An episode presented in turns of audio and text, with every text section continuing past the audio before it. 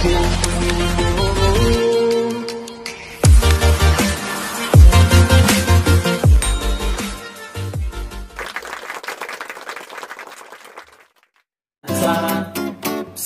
kembali lagi bersama saya Agung Surya Gumelar dalam acara Beyond Education Podcast. Podcast yang menema- menemani Anda di YouTube channel tercinta Kita selalu sharing, sering-sering materi tentang motivasi, tentang coaching, dan juga tentang parenting. Dan ada juga tentang sesi pendidikan, kita membahas sekolah, kita membahas tentang pendidikan zaman sekarang, terus pendidikan zaman alternatif.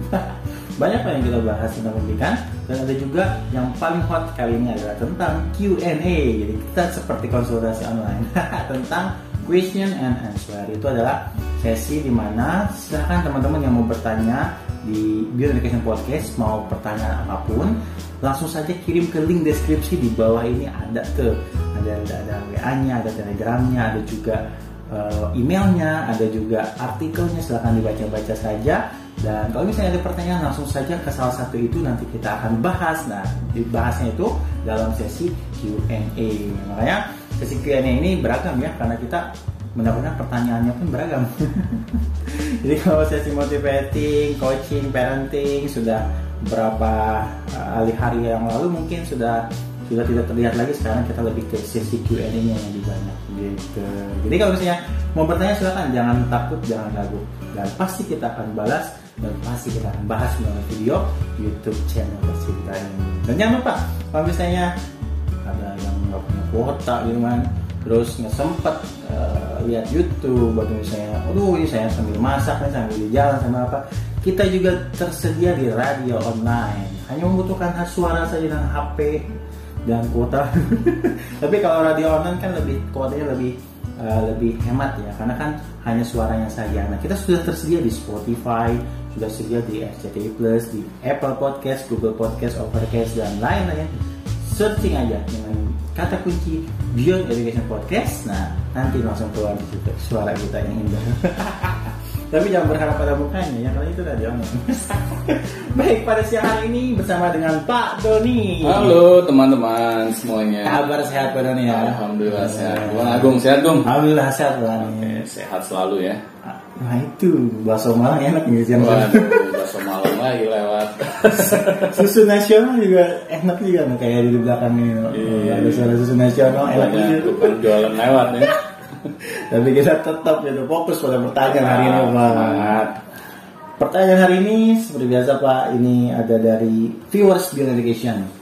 Mm-mm. Sepertinya sudah dia sudah nonton terkait tentang episode kita yang homeschooling. Yang homeschooling. Nah, Oke. jadi ini pertanyaan lanjutan sih tepatnya.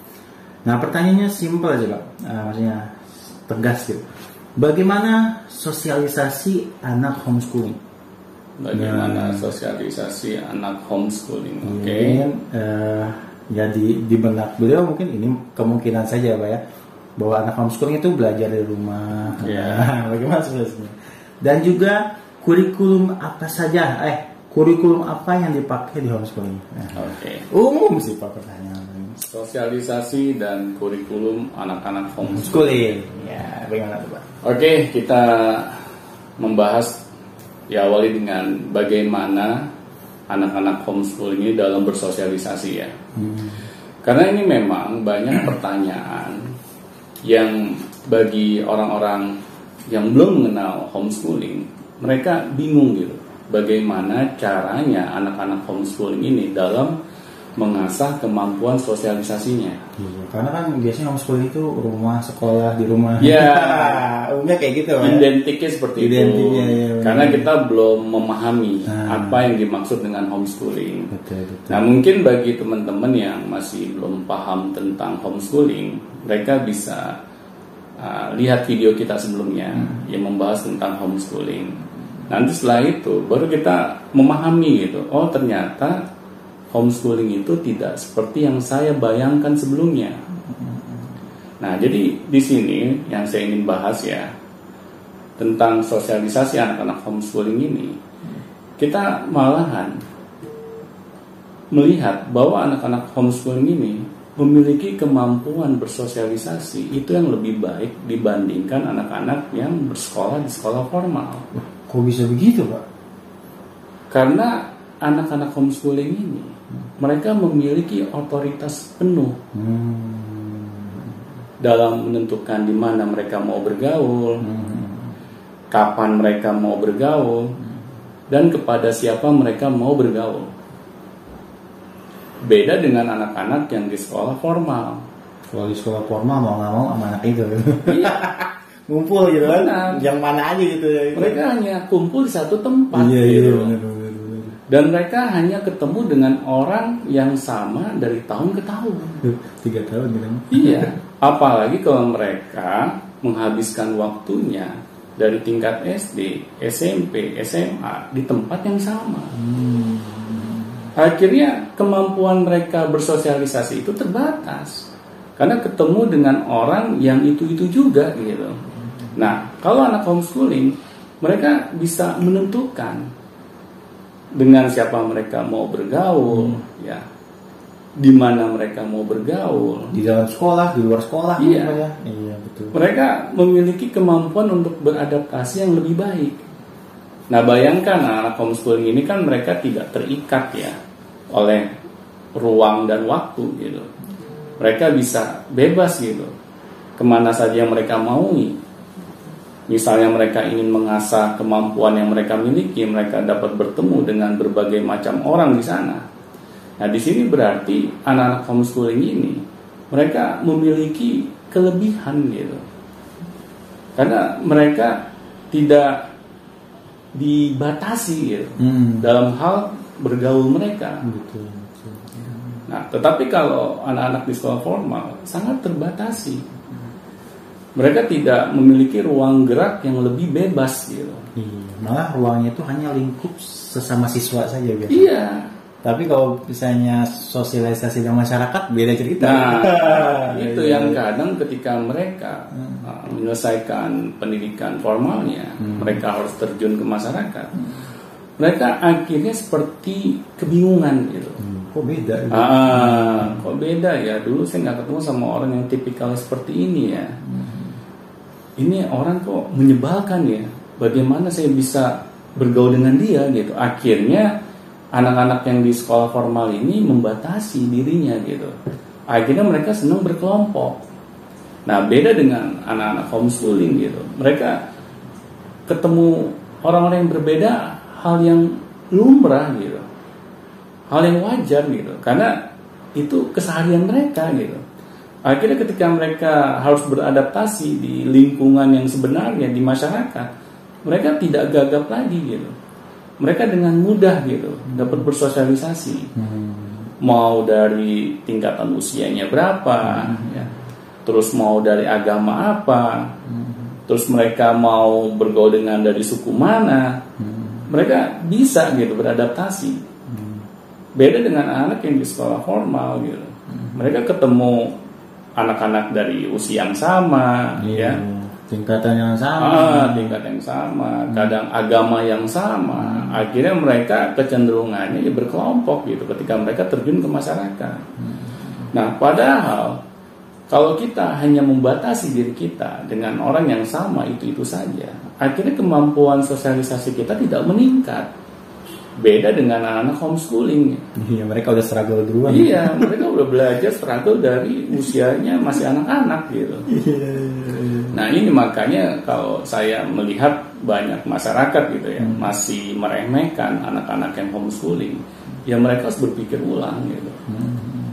Ternyata apa yang mereka pikirkan itu sesuatu kekeliruan. Itu juga yang saya rasakan dulu ya waktu saya mendengar homeschooling ya.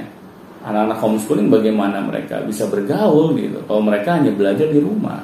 Saya dulu memiliki pemikiran seperti itu. Iya, sih. emang sih awal umumnya sih seperti itu Iya, orang-orang ya pasti berpikir seperti itu. Makanya saya nggak aneh gitu kalau ada orang yang masih menanyakan pertanyaan yang sama sampai saat ini. iya, karena tidak merata informasi. Iya, tidak merata informasi, mungkin kita tidak mau menyelidiki lebih jauh Iya. gitu kan. Nah, ternyata ketika kita mendapatkan pemahaman yang benar-benar pemahaman yang karena kita mempelajari mengenai hal itu, akhirnya pola pikir kita berubah gitu. Kita tidak menganggap remeh lagi gitu anak-anak homeschooling. ini ya kejadian dengan anak saya gitu anak saya kan dari usia SD dari tingkat kelas 1 sampai dia sekarang SMP kelas 2 dia kan melakukan pembelajaran secara homeschooling tapi homeschooling alanya Vikar School ya hmm. jadi berbeda gitu nah anak saya ini ketika dia bertemu dengan orang-orang di luar sekolahnya anak saya tidak mati gaya dan tidak membatasi juga. Ah, dia tidak membatasi diri gitu. Apa? Gue mah bukan anak SMP, gue iya, nah, benar. mau SMA gak kuliah gitu. Sama aja buat dia gitu. Malah ketika di Vikars tuh kan anak saya dia ketemu dari uh, berbagai macam ragam usia gitu kan. Hmm. Dari yang seumurannya dia, terus ada yang lebih tua dibandingkan dia. Tetapi dia tidak memiliki kesulitan gitu. Malah dia bisa berkomunikasi dengan baik. Nah, setelah dia selesai dari sekolah dan dia harus berkegiatan di luar, dia juga sama. Dia tidak memiliki kesulitan gitu. Malahan dia cukup berprestasi gitu yang saya lihat. Gitu. Dia bisa uh, menjadi leader di tempat komunitasnya gitu kan. Nah ini kan suatu hal yang baik gitu. Karena hal yang dia lakukan di luar sana akibat dia memiliki kemampuan bersosialisasi yang baik pas dia di sekolah. Nah, jadi di sini untuk teman-teman nih yang masih meragukan kemampuan anak-anak homeschooling dalam bersosialisasi, nah mereka harus mau cari tahu lagi. Hmm. Nah, mereka harus melihat gitu ke hmm. lapangan hmm. bagaimana sih anak-anak homeschooling ini dalam bersosialisasi. Hmm. Nah, kalau mereka melihat dengan kepala mereka dengan mata kepala mereka sendiri, hmm. ya kan, akhirnya mereka baru sadar gitu. Oh, ternyata anak-anak homeschooling ini tidak sama gitu dengan apa yang saya pikirkan selama ini.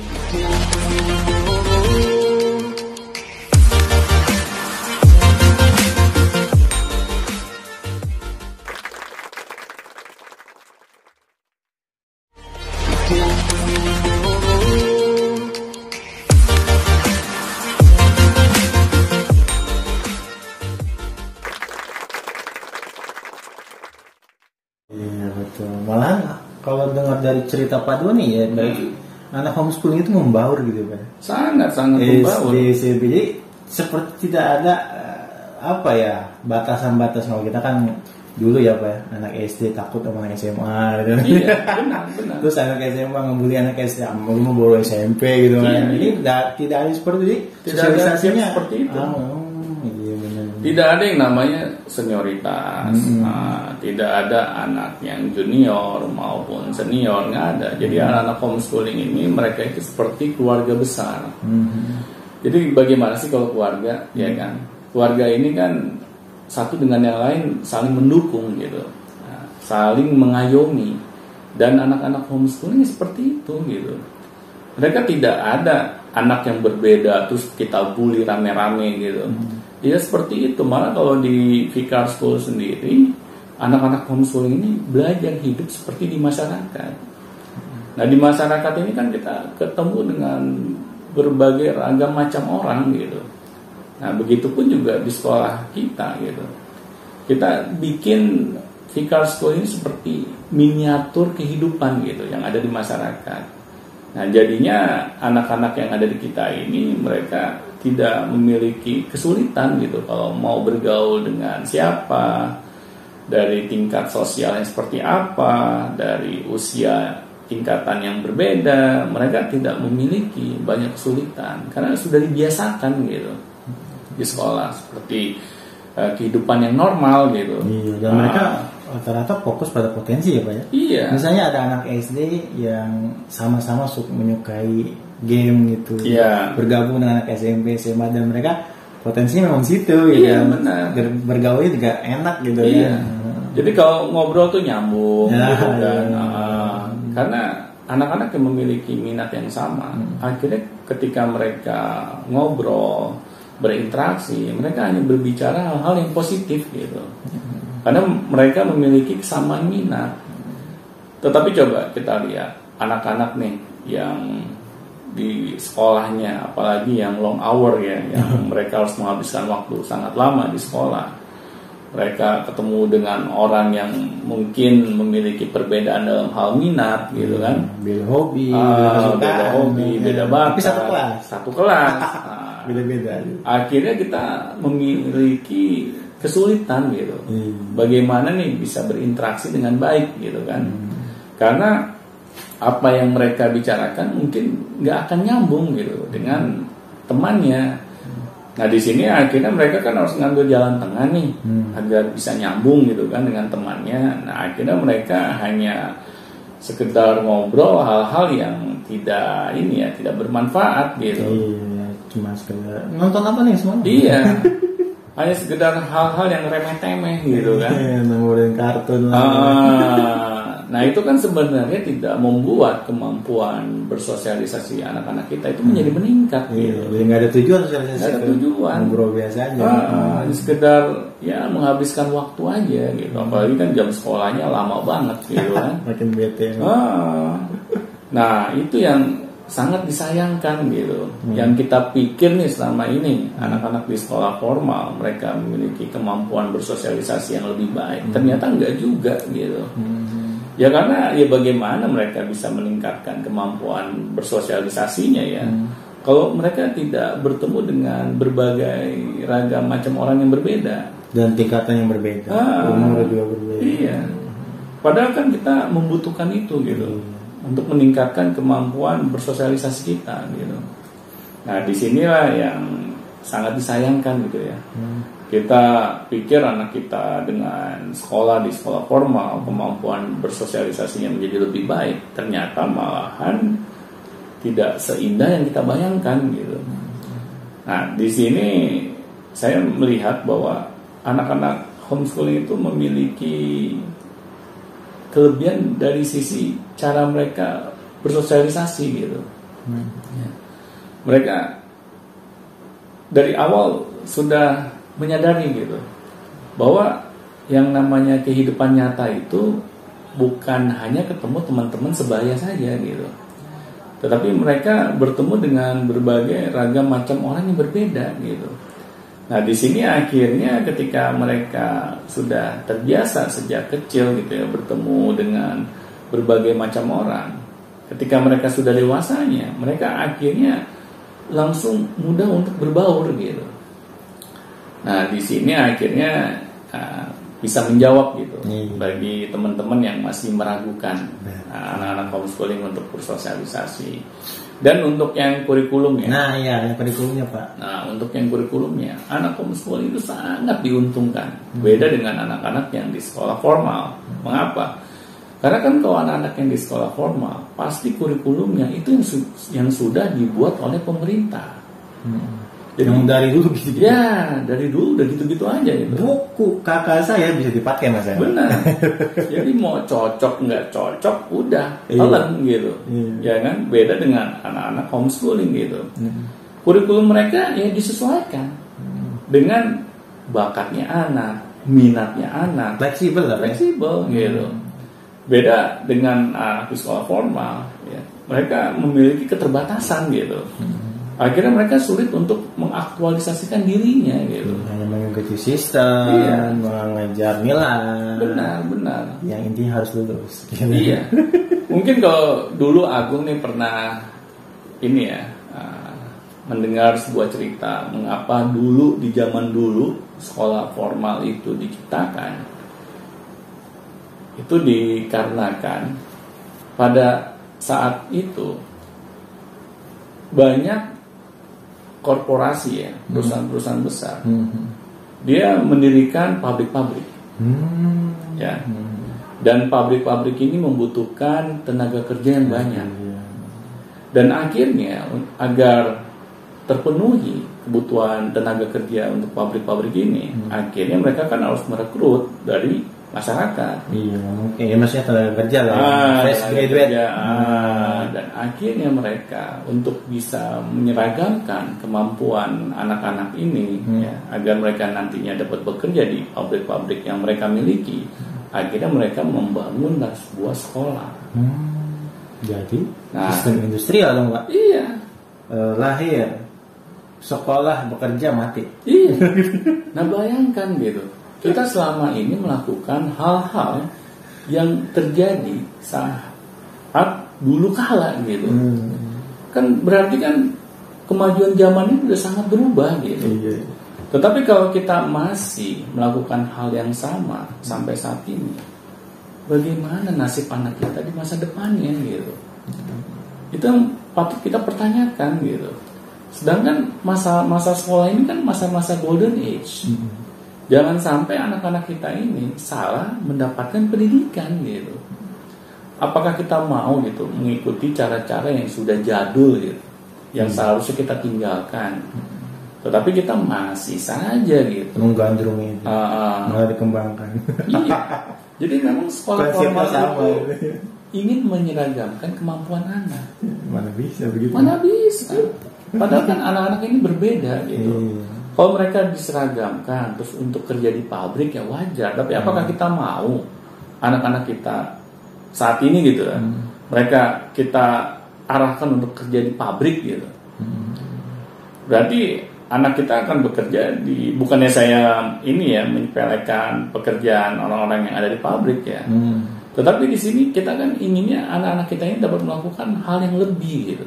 Kalau di pabrik sih bukannya saya menjelekkan juga ya. Iya benar. Kreativitas tuh ya udah gitu kan. Bervariasi, Ada gitu. gitu. Kita Ah. cuma mengerjakan sesuatu yang sudah ada. yang sama dan Iya, itu itu juga gitu mereka kayak seperti robot gitu Hmm. padahal anak kita kan bukan robot gitu Hmm. mereka harus diperlakukan ya sesuai dengan kemampuan mereka gitu itu yang harus kita isi tetapi kalau kita ingin menyeragamkan anak-anak kita akhirnya kemampuan yang dimiliki oleh anak kita kemampuan lahiriahnya akhirnya tidak terbentuk gitu tidak terasa dan ini yang menjadi masalah gitu buat anak kita nanti di masa depannya. Nah oleh karena itu di sini kita harus berpikir secara smart gitu.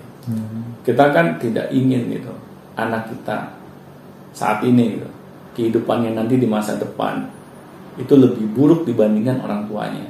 Pasti kita ingin anak-anak kita ini lebih sukses, jauh lebih sukses dibandingkan orang tuanya. Nah kalau kita menginginkan hal-hal yang lebih baik untuk anak kita, maka mulai saat ini kita harus berpikir ulang mengenai pendidikan yang harus diterima oleh anak-anak kita. Oke, baik. Yang tepat, yang terbaik ya Pak ya. Pasti, Agar bisa mengasah potensi. pasti. Oke, baik. Terima kasih Pak Doni. Sama-sama. Jangan lupa kalau misalnya ada pertanyaan silahkan langsung ditanyakan saja dan sampai jumpa di Education selanjutnya. Sampai jumpa.